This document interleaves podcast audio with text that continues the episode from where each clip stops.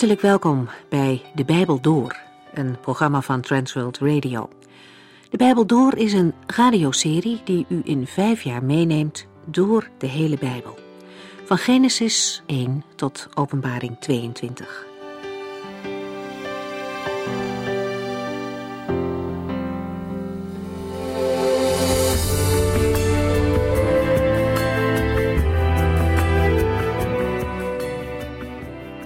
We hebben in deze serie inmiddels de zeven brieven uit Openbaring 2 en 3 uitgelezen. De vorige keer hebben we nagedacht over de laatste verse die Johannes aan de gemeente in Laodicea moest schrijven. De situatie in deze gemeente is uitermate pijnlijk. Want ook al is men rijk en zeer tevreden met zichzelf, er is geen plaats voor de Heere. De Heer van de gemeente staat buiten de gemeente. Hij was het die de gemeente vrijkocht van zonde en dood door zijn eigen leven op te offeren. Hij betaalde met zijn bloed. Niemand heeft een grotere liefde dan wie zijn leven aflegt voor zijn vrienden, zei de Heer Jezus. En hij deed dat. Hij gaf zijn leven vrijwillig, omdat hij zoveel van mensen hield. Op die manier verbond hij zich aan de gemeente, zijn bruid. Bij haar wilde hij wonen. En dan constateert hij hier, al in de eerste eeuw van het christendom, dat hij eigenlijk buiten de deur staat. De gemeente is bezig met van alles, maar het draait niet langer om Christus. De focus is verlegd en de gemeenteleden hebben het zelf niet eens in de gaten. De Heer Jezus geeft het nog niet op. Hij klopt aan en vraagt of hij binnen mag komen. De keus is aan de mensen. Hij baant zich niet met geweld een weg. Dat deden de Romeinse ambtenaren in die tijd wel. Zij konden in elk huis waar ze langskwamen onderdak afdwingen, wat veel weerstand opriep bij de mensen. Maar Christus zegt hier duidelijk dat hij zich niet opdringt. Hij laat de beslissing aan ieder persoonlijk. De brief eindigt zoals alle voorgaande met de oproep: Als u oren hebt, luister dan naar wat de geest tegen de gemeente zegt. Het is een aansporing om de boodschap van deze brieven ter harte te nemen. De zeven brieven zijn ook in deze tijd een spiegel voor de gemeente. We hebben ze gekregen als voorbereiding op de dingen die binnenkort gaan gebeuren. De spanningen zullen toenemen en dan is het zaak om sterk te staan en te volharden in het geloof. En daarom moeten zij die God toebehoren standvastig zijn geboden blijven gehoorzamen en in Jezus blijven geloven. Dat lezen we in Openbaring 12. We gaan nu verder daar waar we gebleven waren, hoofdstuk 4.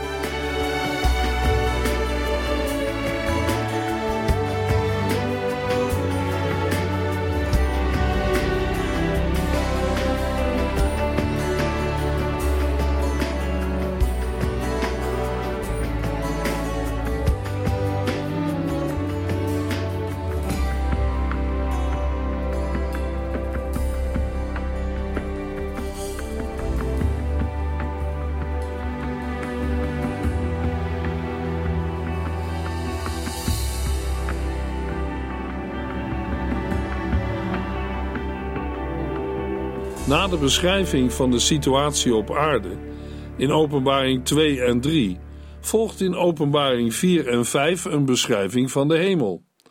Als inleiding op de visioenen over de toekomst in de hoofdstukken 6 tot en met 22. In Openbaring 4 wordt met name voortgebouwd op Jesaja 6, Ezekiel 1 en 2 en Daniel 7 vers 9 en 10. De openbaring die Johannes vanaf openbaring 4 ontvangt, bestaat uit beelden en geluiden, met af en toe een toelichting door een engel. Openbaring 4, vers 1. Nadat ik dit gehoord en gezien had, zag ik een deur in de hemel openstaan en hoorde ik dezelfde luide stem. Kom naar boven, zei hij tegen mij, dan zal ik u laten zien wat hierna moet gebeuren. De woorden Nadat ik dit gehoord en gezien had, zag ik, markeren de overgang naar een volgende openbaring. De openstaande deur duidt op de mogelijkheid en de toestemming voor Johannes om in de geest de hemel binnen te gaan, de woonplaats van God. Hij mag in de hemel komen om te zien wat hierna moet gebeuren. De stem die tegen Johannes spreekt, zal opnieuw die van de engel zijn, die al in Openbaring 1 met hem sprak of de stem van Christus. Johannes ziet de spreker niet, maar uit de woorden kom naar boven is duidelijk dat de spreker zich in de hemel bevindt. Johannes hoort een luide stem. In andere Bijbelvertalingen lezen we een stem als een bazuin, zo indrukwekkend en zo luidklinkend. Het geeft het belang van de gesproken woorden aan. De woorden wat hierna moet gebeuren zijn een aanduiding van de komende gebeurtenissen, van datgene wat voor Johannes nog in de toekomst ligt. De woorden hebben betrekking op de toekomst van de wereld, zoals die vast ligt in Gods plan. Want het moet gebeuren, het is een goddelijk moeten. Openbaring 4, vers 2. Op hetzelfde moment kwam de geest over mij. Ik zag een troon in de hemel staan en op die troon zat iemand. Openbaring 4 is een hoofdstuk met weinig actie. Het geeft een beschrijving van Gods troon in de hemel en van de pracht en grootsheid eromheen, zoals deze aan Johannes worden getoond. Wat Johannes ondergaat, is een vorm van profetische geestvervoering, waardoor hij in de geest in de hemel aanwezig is. Strikt genomen was de geestvervoering natuurlijk al begonnen met het zien van de deur in de hemel die open stond en het horen van de stem. In de geest duidt niet op de Heilige Geest of op een wezen dat Johannes begeleidt. Want blijkens Openbaring 17, vers 3 en 21, vers 10 is degene die hem tijdens zijn visioen begeleidt een engel. Deze woorden betekenen dat Johannes niet lichamelijk in de hemel is, maar in de geest. De woorden ik zag leiden de beschrijving in van wat aan Johannes wordt geopenbaard. In de eerste plaats ziet hij een troon in de hemel staan en op die troon zat iemand. In aansluiting bij de Joodse terughoudendheid om de Heere God te beschrijven of zijn naam uit te spreken, wordt de aanduiding God hier vermeden. Vaak wordt alleen de troon genoemd. Dat zien we ook in Openbaring 7, vers 9, waar we lezen: Daarna zag ik een ontelbare menigte mensen. Zij kwamen uit alle rassen, volken, stammen en taalgroepen. Zij stonden voor de troon en voor het lam, met witte kleren aan en palmtakken in de hand. Een andere engel ging met een gouden wierookvat bij het altaar staan en kreeg heel veel reukwerk dat hij, samen met de gebeden van de gelovigen, op het gouden altaar voor de troon moest offeren. Nog een laatste voorbeeld uit Openbaring 14, vers 3. Het waren de 144.000 die een nieuw lied zongen voor de troon van God, voor de vier levende wezens en voor de ouderlingen. Zij waren de enigen die dat lied kenden. Niemand anders dan de 144.000 vrijgekochten van de aarde kon het leren. Voor de woorden voor de troon van God lezen we in de Griekse tekst voor het aangezicht van de troon. Ook daar wordt de naam van God niet genoemd. Het Bijbelboek Openbaring gebruikt meer dan veertig maal het woord troon als symbool van Gods soevereiniteit, waardigheid en heerschappij. Deze indrukwekkende troon heeft een centrale positie in de hemel, want alle wezens die Johannes verder ziet, staan rondom de troon. Het Griekse woord tronos is een zelfstandig naamwoord en betekent zetel of troon. Het duidt de hoge zetel, voorzien van een voetbank aan, die bestemd is voor heersers, koningen en rechters, en daarom het zichtbare teken van hun waardigheid en macht. Zo lazen we over de troon van God die in de hemel staat. In Matthäus 5, vers 34 lezen we dat de hemel zelf de troon van God wordt genoemd. In het vervolg van Openbaring 4 lezen we in vers 4 over de 24 tronen van de oudsten, die om de troon van God heen staan. Sinds zijn hemelvaart zit de Heer Jezus aan de rechterzijde van de troon van God waardoor deze de troon der genade wordt genoemd, als de bron van Gods barmhartigheid. En als Christus terugkomt, zal hij op zijn schitterende troon gaan zitten of op de troon van zijn heerlijkheid. Dan zullen ook de twaalf apostelen op tronen zitten om over de twaalf stammen van Israël recht te spreken. In Lucas 1, vers 32 horen we hoe God aan Jezus de troon van zijn vader David zal geven, wat ook de daarmee verbonden heerschappij inhoudt. Als het nieuwe Jeruzalem uit de hemel naar beneden is gekomen, bij God vandaan, zal zich daarin de troon van God en het Lam bevinden, van waaruit de rivier van het water dat leven geeft zal stromen, midden over de hoofdstraat van de stad. Niet alleen de hemel kent tronen, ook het rijk van de duisternis. We lezen in de Griekse tekst van Openbaring 2, vers 13 over de troon van de Satan. En in Openbaring 16, vers 10 over de troon van het beest. In bijzondere zin geeft het Griekse woord voor troon of tronen een bepaalde engelenmacht aan. Openbaring 4, vers 3. Hij schitterde als de zuiverste edelsteen, als diamant en sarder.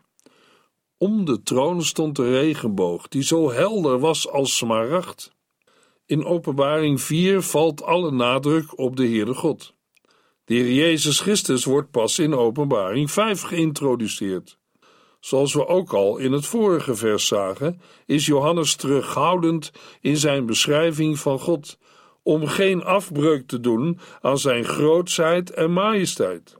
Hij vermeldt daarom, anders dan in Ezekiel 1 en Daniel 7 het geval is, niets dat op kenmerken van een mens lijkt. Met behulp van verwijzingen naar diverse edelstenen probeert Johannes toch iets van Gods glorie aan te duiden. De genoemde edelstenen komen sterk overeen met de lijsten in Exodus 28 en Ezekiel 28 en ze keren terug in de langere lijst in Openbaring 21. Door gebrek aan exacte omschrijvingen uit de oudheid is het soms moeilijk om vast te stellen welke stenen er precies zijn bedoeld. In de Statenvertaling lezen we in Openbaring 4 vers 3 en die daarop zat was in het aanzien de steen jaspis en sardius gelijk en een regenboog was rondom de troon in het aanzien de steen smaragd gelijk. De jaspis is waarschijnlijk de kostbare witte diamant. Deze edelsteen is het speciale symbool van Gods heerlijkheid. De edelsteen die in het Nieuwe Testament met dit woord wordt aangeduid, is niet zonder meer gelijk te stellen aan onze jaspis, die een ondoorzichtige gele, bruine of rode kwartsvariatie is. Volgens Openbaring 21, vers 11 is de daar bedoelde edelsteen als van een kristalheldere diamant, kortom, helder als kristal. In hetzelfde vers wordt de steen een zeer dure edelsteen of kostbare edelsteen genoemd. Daarom denken veel onderzoekers aan de kostbare witte diamant. De steen wordt in Openbaring 21 drie keer genoemd in de beschrijving van het nieuwe Jeruzalem. In vers 11 lezen we over de glans die de stad bij de eerste aanblik heeft. In vers 18 gaat het om de inbouw, de bouwstof of de onderbouw van de muur. En in vers 19 om de eerste laag van de uit twaalf lagen bestaande fundering. In Openbaring 4, vers 3 wordt het aanzien van Hem die op de troon in de hemel zit vergeleken met deze en met een andere edelsteen, namelijk sarder of sardius. Het is eigenlijk een bijvoeglijk naamwoord met de betekenis sardis, dat wil zeggen bij Sardus behorend, en dat verbonden kan worden met steen. In het Nieuwe Testament is het zelfstandig gebruikt en lezen we in de Griekse tekst de Sardische steen. Een sarder of sardius ook wel een carneol genoemd, is een rode steen. De glanzende witte en rode edelstenen vormen het licht dat afstraalt van Gods verschijning. Het Griekse woord iris kan zowel regenboog als stralenkrans betekenen. Omdat Johannes de iris of regenboog vergelijkt met een groene smaragd en daarmee aan één bepaalde kleur lijkt te denken, ligt de vertaling stralenkrans in plaats van regenboog meer voor de hand. Daarentegen kunnen we, op grond van Ezekiel 1 vers 28, weer het beste aan de regenboog denken. Mogelijk bedoelt Johannes met smaragd een kleurloze steen die als een prisma het hemelse licht verstrooit tot de kleuren van de regenboog. De regenboog is het teken van Gods verbond met de mensen, het beeld van zijn geduld met de zondige wereld. Als Johannes de regenboog ziet, wil dat zeggen dat ook de komende gebeurtenissen in het teken staan van Gods trouw aan zijn schepping. Openbaring 4, vers 4. Rondom de troon stonden 24 tronen, en op elk van die tronen zat een ouderling met witte kleren aan en een gouden kroon op zijn hoofd. De troon van God staat centraal in de hemel. Eromheen staan andere tronen, met daarop ouderlingen of oudsten. We lezen het al in Jesaja 24, waar de profeet Jesaja spreekt over het oordeel van God. We lezen in Jesaja 24, vers 23: Dan zal de Heere van de hemelse legers zijn troon op de berg Sion zetten en glorieus regeren in Jeruzalem. Voor de ogen van alle oudsten van zijn volk zal daar zo'n glorie heersen, dat de heldere lichten van zon en maan erdoor verbleken. Ook eerder lezen we al over de troon van God in de hemel, namelijk in 1 Koningen 22 vers 19. Micha sprak opnieuw en zei, luister naar wat de Heere verder nog te zeggen heeft. Ik zag de Heere op een troon zitten en de hemelse legers stonden om hem heen. Nog een laatste voorbeeld uit Psalm 89, vers 8. God dwingt ontzag en respect af van de heilige engelen die hem omringen. De ouderlingen of oudsten krijgen veel aandacht in Openbaring 4 en 5. Daarna worden ze wel genoemd, maar vormen dan meer de achtergrond van de gebeurtenis. De ouderlingen dragen witte kleren en hebben gouden kronen of kransen op hun hoofd. Witte kleren symboliseren blijdschap, reinheid en waardigheid. In de meeste gevallen werden hemelbewoners voorgesteld in lichtende witte kleding. Het Griekse bijvoeglijk naamwoord leukos betekent lichtend of blinkend en blinkend wit. Bij de eerste betekenis ligt de nadruk op het licht, bij de tweede op de kleur. Al is het in afzonderlijke gevallen niet altijd uit te maken waar het accent valt. Bij de beschrijving van hemelse verschijningen gaat het vooral om het blinkende en stralende, zoals de kleren van Jezus bij de verheerlijking op de berg. Hetzelfde doet zich voor bij de kleren van engelen die op aarde verschijnen. Verder wordt het gebruikt voor de wolk waarop de mensenzoon verschijnt en de troon in de hemel, waarbij wellicht ook eerder het blinkende en stralende wordt benadrukt. Bij het gebruik van het Griekse woord leukos valt op dat er nogal eens een vergelijking wordt gebruikt om de indruk die ermee wordt bedoeld te benaderen en duidelijker te maken. Zo wordt leukos vergeleken met zonlicht, sneeuw en wol. In andere gevallen lijkt het meer om de kleur te gaan, zoals van korenvelden, van haren, van een paard, van een witte steen, van wol of linnen, en de kleren van de verlosten in de hemel. Al kan het hier niet geheel worden losgezien van de blinkende kleren van de engelen. De gouden kronen of kransen duiden, in combinatie met de tronen, op de koninklijke waardigheid die de ouderlingen hebben ontvangen. Het edelmetaal goud symboliseert een grote waarde en hemelse volmaaktheid. Goud was het meest waardevolle metaal dat men in de oudheid kende en was daarom geliefd als materiaal om afgodsbeelden van te maken. Vanwege zijn grote en blijvende waarde staat het goud voorop in opsommingen van materialen. Goud was een kostbaar geschenk en diende als materiaal voor een sieraad. Voor goud als bouwmateriaal wordt meestal een Grieks woord gebruikt dat duidt op bewerkt goud of bekleed met goud. In afgeleide zin duidt het bijvoorbeeld geld of gouden munten aan. In de Bijbel worden naast goud ook andere metalen genoemd, bijvoorbeeld zilver, ijzer, koper of brons. Dit laatste, koper of brons, is interessant om iets meer over te vertellen. Het Griekse woord voor koper duidt buiten het Nieuwe Testament naast koper ook vaak brons aan, omdat brons een legering is van koper met een toevoeging van tin.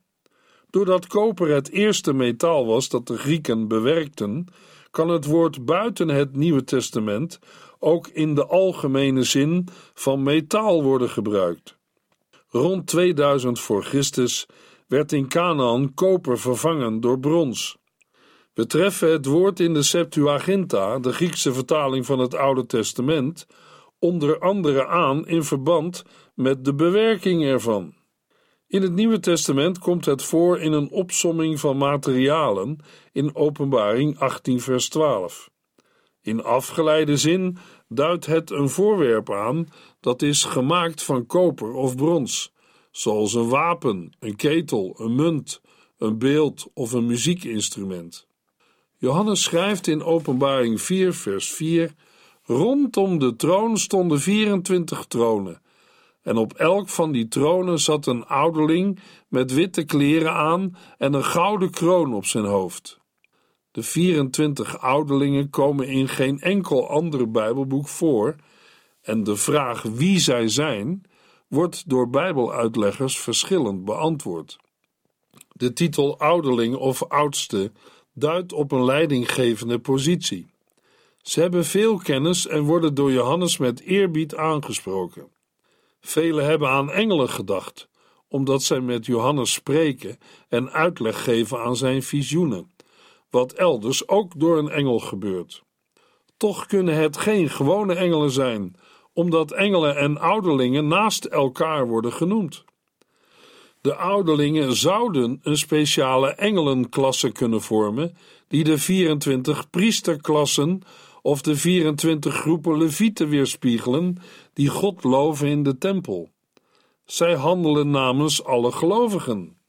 Een zwak punt van deze uitleg is dat het woord ouderlingen of oudsten op andere plaatsen in de Bijbel voor mensen, maar zelden voor engelen wordt gebruikt.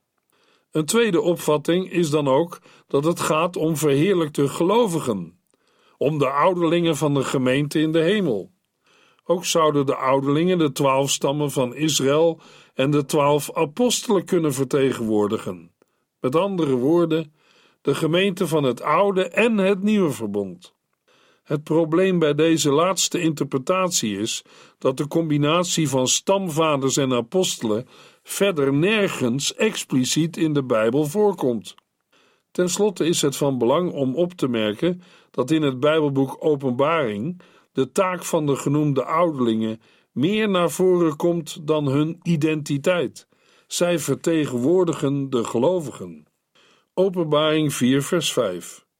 Uit de troon kwamen bliksemschichten en donderslagen en allerlei andere geluiden. Vlak voor de troon stonden zeven brandende fakkels. Dat zijn de zeven geesten van God. De blik van Johannes verschuift geleidelijk van de troon van de Heere God naar de dingen die uit de troon voortkomen en die er omheen te zien zijn. De werkwoordsvormen in dit vers, kwamen en brandende, beschrijven een voortdurende toestand en geen eenmalig gebeuren. Met bliksemschichten en donderslagen en allerlei andere geluiden wordt onweer aangeduid. Het woordgebruik herinnert aan de beschrijving van de indrukwekkende verschijning van de Heere God op de berg Sinaï, waarbij hij zich openbaarde in donder en bliksem, een zware wolk en het geluid van een sterke bazuin. De woorden drukken de geweldige grootheid van de Heer uit. In Openbaring 8 vers 5, 11 vers 19 en 16 vers 18 vindt onweer plaats aan het slot van een serie oordelen. Op deze wijze wordt uitgedrukt dat dezelfde God die zich bij de Sinaï openbaarde, ook de komende oordelen bewerkt. De zeven brandende fakkels herinneren aan Zacharia 4, vers 2, 3 en 10, waar eveneens verband gelegd wordt tussen de fakkels en de Heilige Geest van God. Het zevental van de fakkels herinnert aan de lampen op de zevenarmige kandelaar in de tempel. Ze symboliseren Gods heerlijke verschijning. Ook in de Griekse vertaling van het zojuist genoemde Exodus 20, vers 18 komen fakkels voor als aanduiding van Gods openbaring.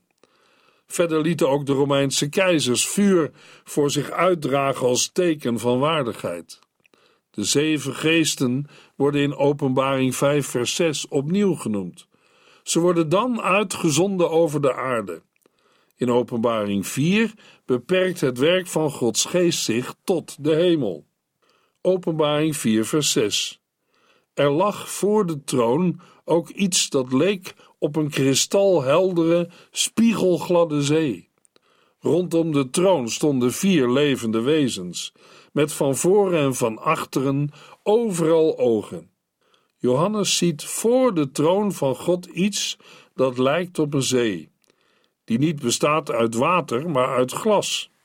In een andere Bijbelvertaling lezen we: En voor de troon was een glazen zee, kristalgelijk. Het woord zee kan een beeld van het kwaad zijn, maar die betekenis past niet goed in een beschrijving van de hemel. We moeten eerder denken aan een toespeling op Ezekiel 1, vers 22, waar de profeet boven de vier wezens iets ziet wat lijkt op een strakke hemel van verblindend kristal.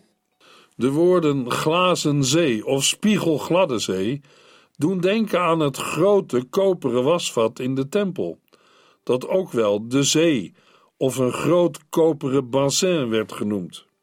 Het werd ook wel gezien als een afbeelding van de wateren boven het uitspansel. Glas was destijds meestal donker.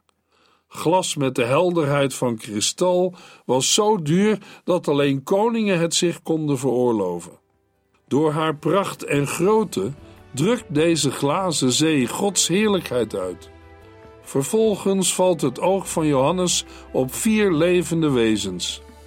Deze vier lijken sterk op de vier wezens in Ezekiel 1. Gelet op de volgende versen moet de vertaling levende wezens de voorkeur krijgen boven dieren. Een centrale positie maakt deze vier wezens tot heel belangrijke schepsels. In de volgende uitzending lezen we verder in Openbaring 4.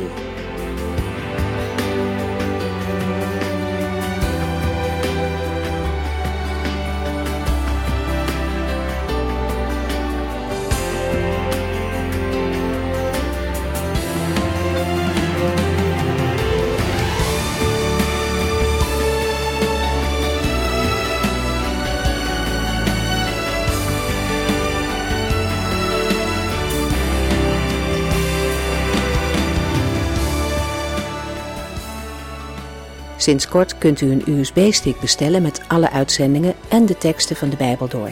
Ons adres volgt in de afkondiging.